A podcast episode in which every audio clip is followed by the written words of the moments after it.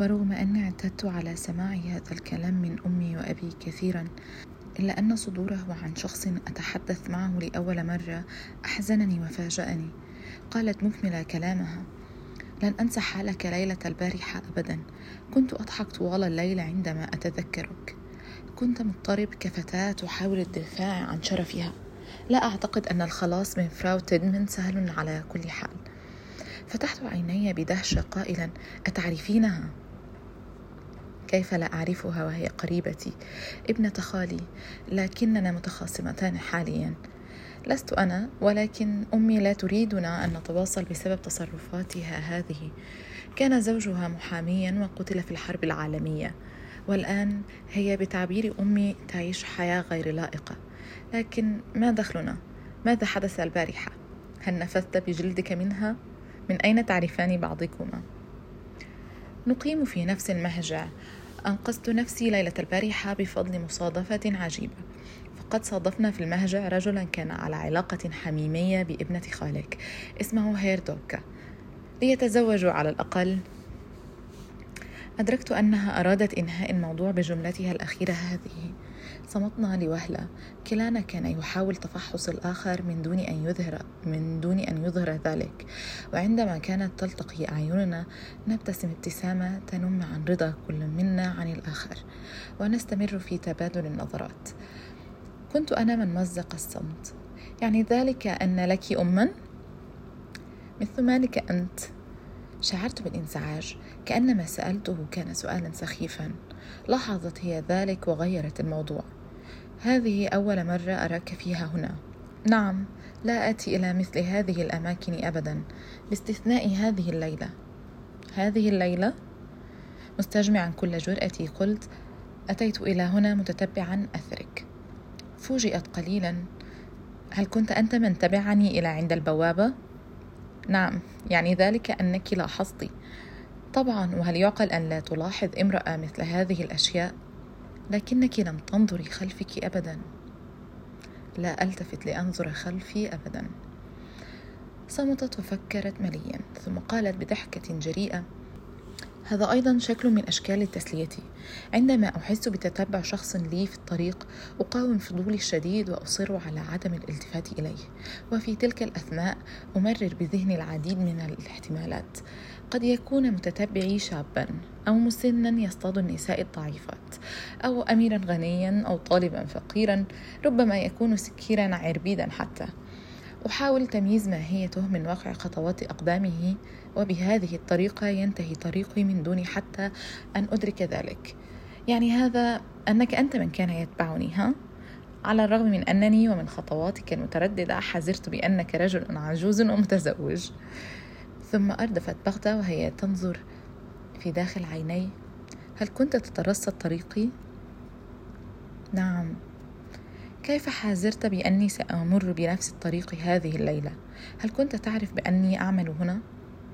لا لكن لا أعلم قلت لنفسي ربما ربما لم أقل حتى وجدت نفسي ومن دون أن ألحظ ذلك أقف هناك في نفس الوقت ثم اختبأت عند أحد الأبواب خوفا من أن تريني هيا لنمضي سنتحدث في الطريق وعندما رأت ذهولي سألت ألا تريد مرافقتي إلى منزلي؟ نهضت من, من مكاني فورا. أضحكتها حركتي هذه. لا تتعجل يا صديقي قالت. سأذهب لأغير ملابسي أولا. انتظرني مقابل البوابة بعد خمس دقائق. نهضت بسرعة. ذهبت بخطوات متعجلة وهي تمسك بطرف تنورتها واختفت خلف الأوركسترا. نظرت في وجهي مجددا ونحن ذاهبون. حيتني عيناها المدهشتان تلك بإغماضة وكأني صديقها منذ أربعين سنة. استدعيت النادل ودفعت الحساب. عادت لي جسارتي وجرأتي فجأة. كنت أحدق في وجه الرجل الذي كان يقيد أرقاما في دفتره ذي الأوراق الطويلة وكأنني أقول له ألم تلاحظ كم أنا سعيد يا أحمق؟ وشعرت برغبة قوية في السلام ضاحكا على كل من لم يترك القاعة من الزبائن وفرقة الأوركسترا. كان تشبثي وتعلقي المفاجئ بالناس كشعور من اجتمع بأصدقائه بعد فراق سنين طويلة. يريد مصافحتهم وتقبيلهم مع محادثات مليئة بالبهجة والحماس. قمت من مكاني. مشيت إلى غرفة تغيير الملابس بخطوات واسعة مرتاحة وواثقة. هبطت السلم متخطيا عدة درجات في القفزة الواحدة. رغم أن مثل هذا السخاء المبذر وأنا أصرف أموالي للحساب لم يكن من طبعي أبدا إلا أني أعطيت ماركا للمرأة التي ناولتني معطفي. مقابل البوابة تطلعت حولي آخذا أنفاسا عميقة. أطفئت كتابة أتلانتيك التي كانت على اللافتة فوقي واختفت موجات البحر معها. السماء صافية وفي الغرب البعيد يظهر هلال صغير يقترب من الأفق. سمعت صوتا رقيقا خلفي. هل انتظرت كثيرا؟ لا خرجت للتو. قلت ذلك وأنا ألتفت نحوها. كانت واقفة أمامي. أعيننا ترمش وكأننا أناس يفكرون من دون أن يصدروا قرارا. أخيرا حركت شفتيها بخفة. حقا تبدو كإنسان طيب قالت. انمحلت كل جسارتي وجرأتي فورا عندما عادت إلي ورغم أن هناك رغبة بداخلي لشكرها وأن أضم يديها وأقبلها إلا أن كل ما استطعته هو أن أنطق بصوت لا يكاد يسمع. لا أدري. أمسكت المرأة ذراعي بلا تكلف وبيدها الأخرى أمسكت ذقني. قالت بصوت ناعم كمن يدلل طفلا صغيرا أوه حقا أنت خجول مثل فتاة صغيرة. نظرت أمامي مقطبا وجهي. كنت قد بدأت في السأم من معاملة امرأة لي بهذه الجرأة وعدم المبالاة. لم تبالغ في ذلك على كل حال. تركت ذقني أولا ثم أسقطت يدها التي كانت ممسكة بذراعي ببطء إلى جانبها. وعندما رفعت رأسي فوجئت. فقد كان في وجهها ذهول عجيب بل كان فيه حياء أيضا. كان الإحمرار يمتد على خدها وإلى رقبتها. عيناها نصف مغلقتين وخائفتان من النظر إلي. مر ببالي تساؤل مفاجئ. لماذا يا ترى تفعل ذلك؟ رغم أنها بالتأكيد ليست بذلك النوع من النساء لكن لماذا تفعل ذلك؟ قالت كمن حزر ما في خاطري. أنا هكذا. أنا امرأة غريبة.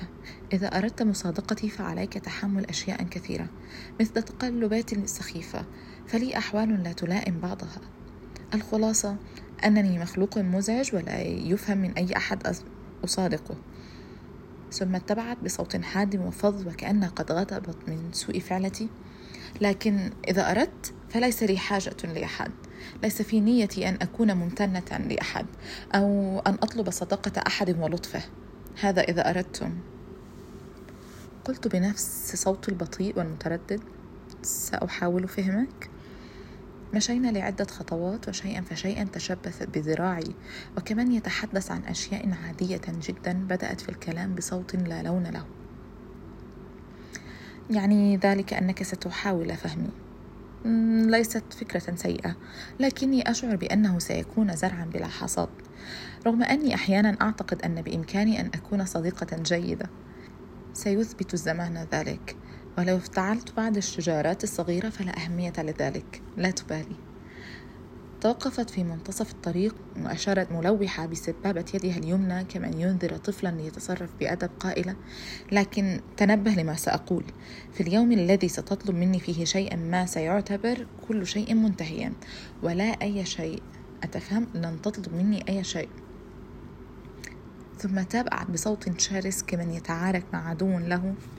أتعلم لماذا أنفر منكم؟ أعني كل الرجال في هذه الحياة لأنهم يطلبون كل شيء من المرأة وكأن ذلك من أبسط حقوقهم الطبيعية.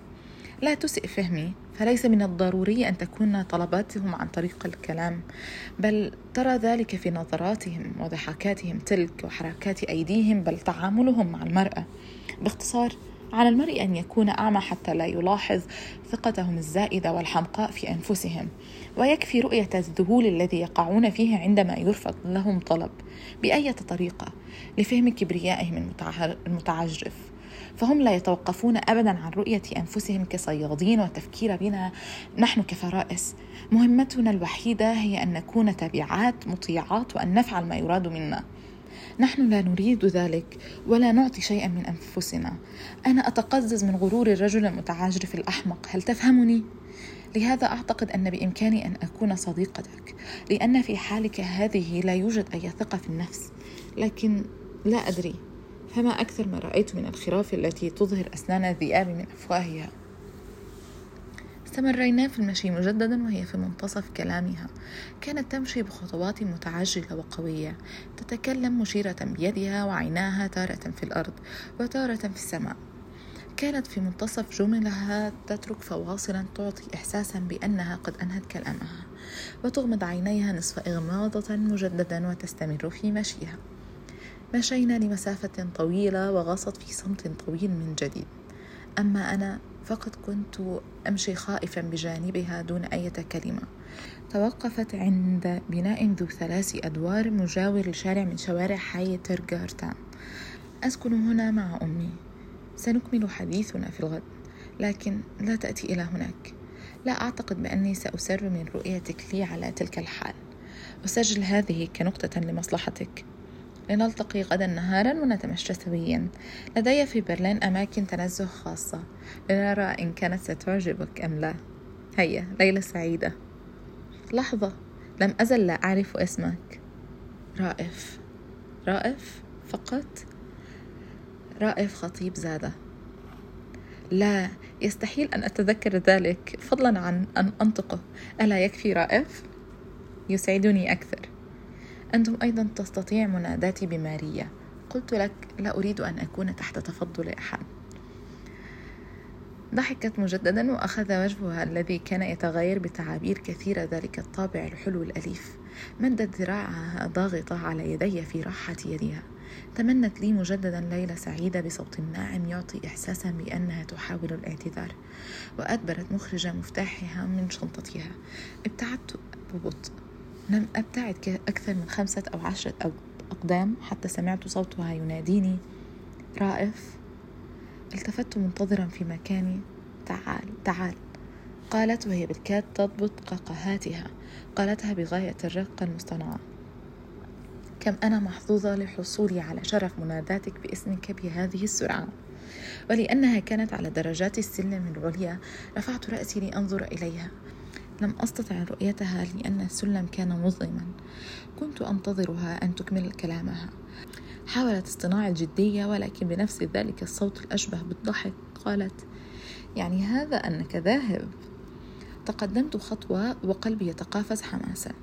قلت وفي عقل احتمال لست متأكدا إن كان سيسرني أم لا وبأمل أخشى حتى من التفكير فيه ألا تريدين أن أذهب؟ هبط الدرجتان على السلم استبان لي وجهها تحت أشعة إضاءة الشارع سألتني وعيناها تتفرسان في وجهي بفضول يشوبه مكر ألم تفهم سبب استدعائي لك بعد؟ كنت سأرتمي بنفسي على ذراعيها هاتفا. فهمت فهمت. ها أنا ذا قادم. لكني شعرت في داخلي بإحساس مغاير لهذا وأقوى منه. إحساس بالتحطم بالذهول والكآبة. احتنق وجهي محمرا ونظرت أمامي. لا لا أريد ذلك. مسحت المرأة بكفها على وجنتي. ماذا يحدث لك؟ تبدو على وشك البكاء. أخبرني هيا. كنت ستودعني وتذهب الآن صحيح؟ صحيح. لن تأتي إلى الأتلانتيك للبحث عني. هكذا اتفقنا. صحيح سنتقابل غدا نهارا. أي نظرت إلى وجهها شاعرا بغبائي. لم يخطر هذا على بالي أبدا. سألتها بنبرة فيها رجاء. ألهذا دعيتني؟